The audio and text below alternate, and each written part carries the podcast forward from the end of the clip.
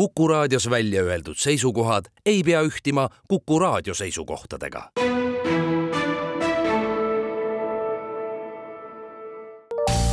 terviseks. Saadet toetab Lääne-Tallinna Keskhaigla, vaata ka keskhaigla.ee tere, head Kuku kuulajad, eetris on saade Terviseks ja kui me eilses saates rääkisime enneaegsetest lastest, siis tänasel teemal jätkame. mina olen Ingela Virkus ja koos minuga on stuudios Lääne-Tallinna Keskhaigla vastsündinute osakonna ämmaemandusjuht Kadri Madar, tere taas! tere, tere! miks siis juhtub nii, et mõni laps sünnib liiga vara? ja me räägime siis selle liiga vara all näiteks seal neljandast kuust alates mm. -hmm.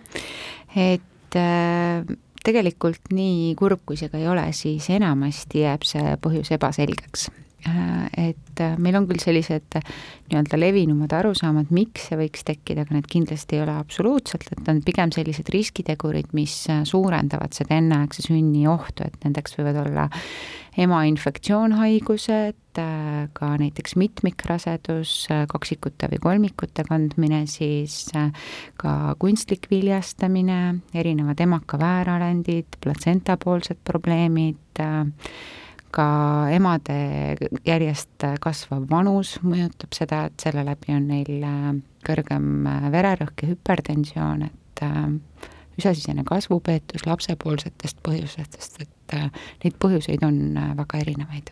kui on äh, teada näiteks enneaegsust soodustavad tegurid, näiteks et naisel on tekkinud mingi haigus raseduse ajal, et kas on siis võimalik kuidagi loode sünnieelselt ette valmistada või äärmisel juhul ikkagi kuidagi seda rasedust pikendada?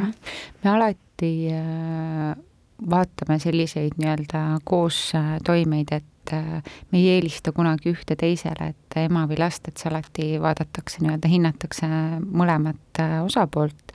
võimalusel äh, seda sündi lükatakse nii kaugele edasi, kui see on võimalik, et selleks on erinevad ravivõtted haiglates äh, olemas ja me saame ka loota nii-öelda teha lootekopsude ettevalmistust selleks, et hingamine talle hilisemas elus paremini äh, sujuks ja, ja teha ka magneesiumiga neuroprotektsiooni, et äh, jah, meil osad ravivõtted on, aga alati me ei jõua neid rakendada, et äh, võimalusel, võimalusel siiski. No kuidas seda tehakse, näiteks siis sünnituse edasilükkamist ühelt poolt ja teiselt poolt loote kopsude ettevalmistamist? erinevate ravimitega me saame seda teha, et mida siis naisele manustatakse ka kopsude ettevalmistamine samamoodi? jah, just. milline on äh, enneaegse lapse sünnitus, et kas see on vaginaalne või tehakse keiser?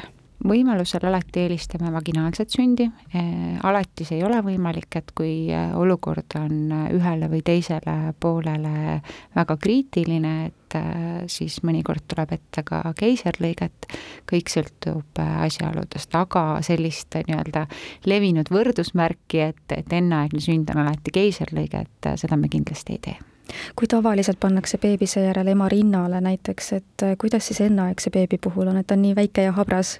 eks äh, ka enneaegsete puhul me ikkagi üritame neid äh, panna võimalusel äh, emale kas või korraks nii-öelda rinnale, et kogu kaasaegne meditsiin tegelikult sinnapoole liigub, et, et me ka enneaegseid ei lahutaks aga see sõltub kõik lapse ja mõnikord ka ema seisundist. milline on ema seisund tavaliselt enneaegse sünnituse korral, et kas kui loote puhul, no see on loogiline ja me saame rääkida sellest, et ta on arengufaasist sellel hetkel oluliselt maas, aga, aga mida see ema jaoks tähendab? Äh, tavaliselt on need vanemad äh, ikkagi teatavas sellises šokis, et äh, enneaegseks sünnituseks noh, väga-väga harva, kui see pere on saanud kuidagi niimoodi pikemalt ette valmistuda, aga, aga enamasti tabab see ju igat peret ootamatult, mitte ainult ema, vaid kõiki selle perekonnaliikmeid, et selline emotsionaalne toetus on ääretult oluline.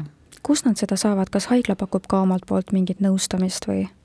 Äh, jah, meil on väga hea koostöö raseduskriisi nõustajatega, aga tegelikult on äh, kõik, äh, kogu meie personal ja ka ämmaemandad siiski saanud vähemalt mingis osas sellist kriisiväljaõpet, et et me oskame neid peresid tegelikult toetada ja nende jaoks olemas olla. aga nii varakult sünnitades, kas emal rinnapiima on, et saab ta oma last kohe toitma hakata või kuidas sellega on?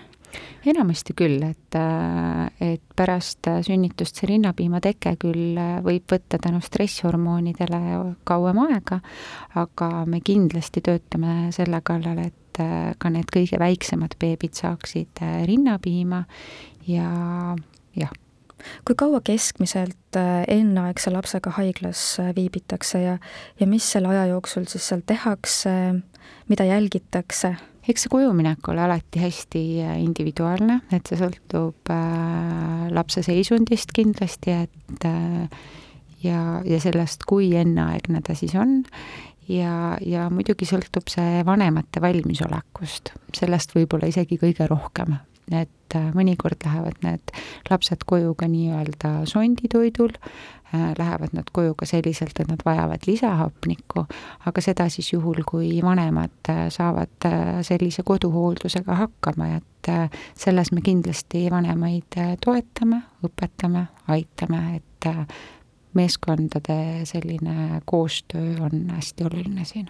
Nagu me oleme läbivalt ka rääkinud, et et see ei piirdugi kõik selle haiglas oleku ajal, vaid tegelikult on äärmiselt oluline see areng pärast haiglast lahkumist mm, -hmm. et milline see järelravi või jälgimine siis täpsemalt on, et te mainisite ka, et tehakse paljude erialaspetsialistidega koostööd mm, -hmm. et logopeed liitub selle meeskonnaga ühel hetkel, kes veel mm.? Eks see sõltub jah, jälle täpselt äh, sellest, et, äh, et mida see, see pere või siis see laps äh, täpselt vajab, et, et millist liiget ta oma sellisesse meeskonda vahe, vajab, et, et ega meil ei ole väga sellist nii-öelda standardset paketti, et õnneks meil on Eestis väga head erialaspetsialistid olemas ja me saame sellist kvaliteetset ravi ikkagi kõigile oma patsientidele pakkuda kas enneaegsusega võivad kaasneda mingid tüsistused ka hilisemas elus, et võib-olla algselt justkui nagu ei, ei paistagi, et midagi võiks olla, aga hilisemas elus äh, tuleb siis see esile kuidagi? Äh, enneaegsus kindlasti ei tähenda seda, et kindlasti esineb mingisuguseid äh, hilisemaid äh, nii-öelda arenguprobleeme või midagi muud, et et aga on küll sellised riskitegurid, mis neid lapsi rohkem ohustavad, kindlasti on nad tulevikus vastuvõtlikumad, võivad olla vastuvõtlikumad erinevatele viirushaigustele, neil võib olla kuulmisprobleeme, nägemisprobleeme, vajavad nad tihtipeale prille, võib neil olla ka selliseid käitumis käitumisprobleeme, õpiraskusi kohati, ainevahetuse häireid, metabolismi probleeme, et hilisemas elus kindlasti see võib ka neid mõjutada.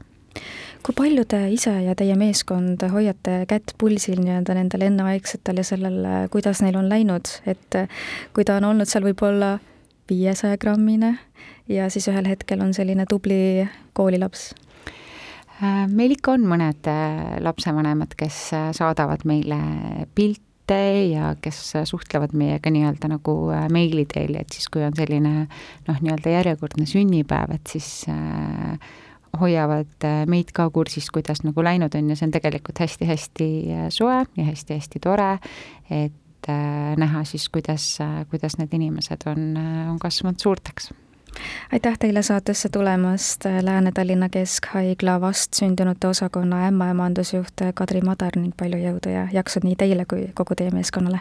aitäh! terviseks saadet toetab Lääne-Tallinna Keskhaigla, vaata ka keskhaigla.ee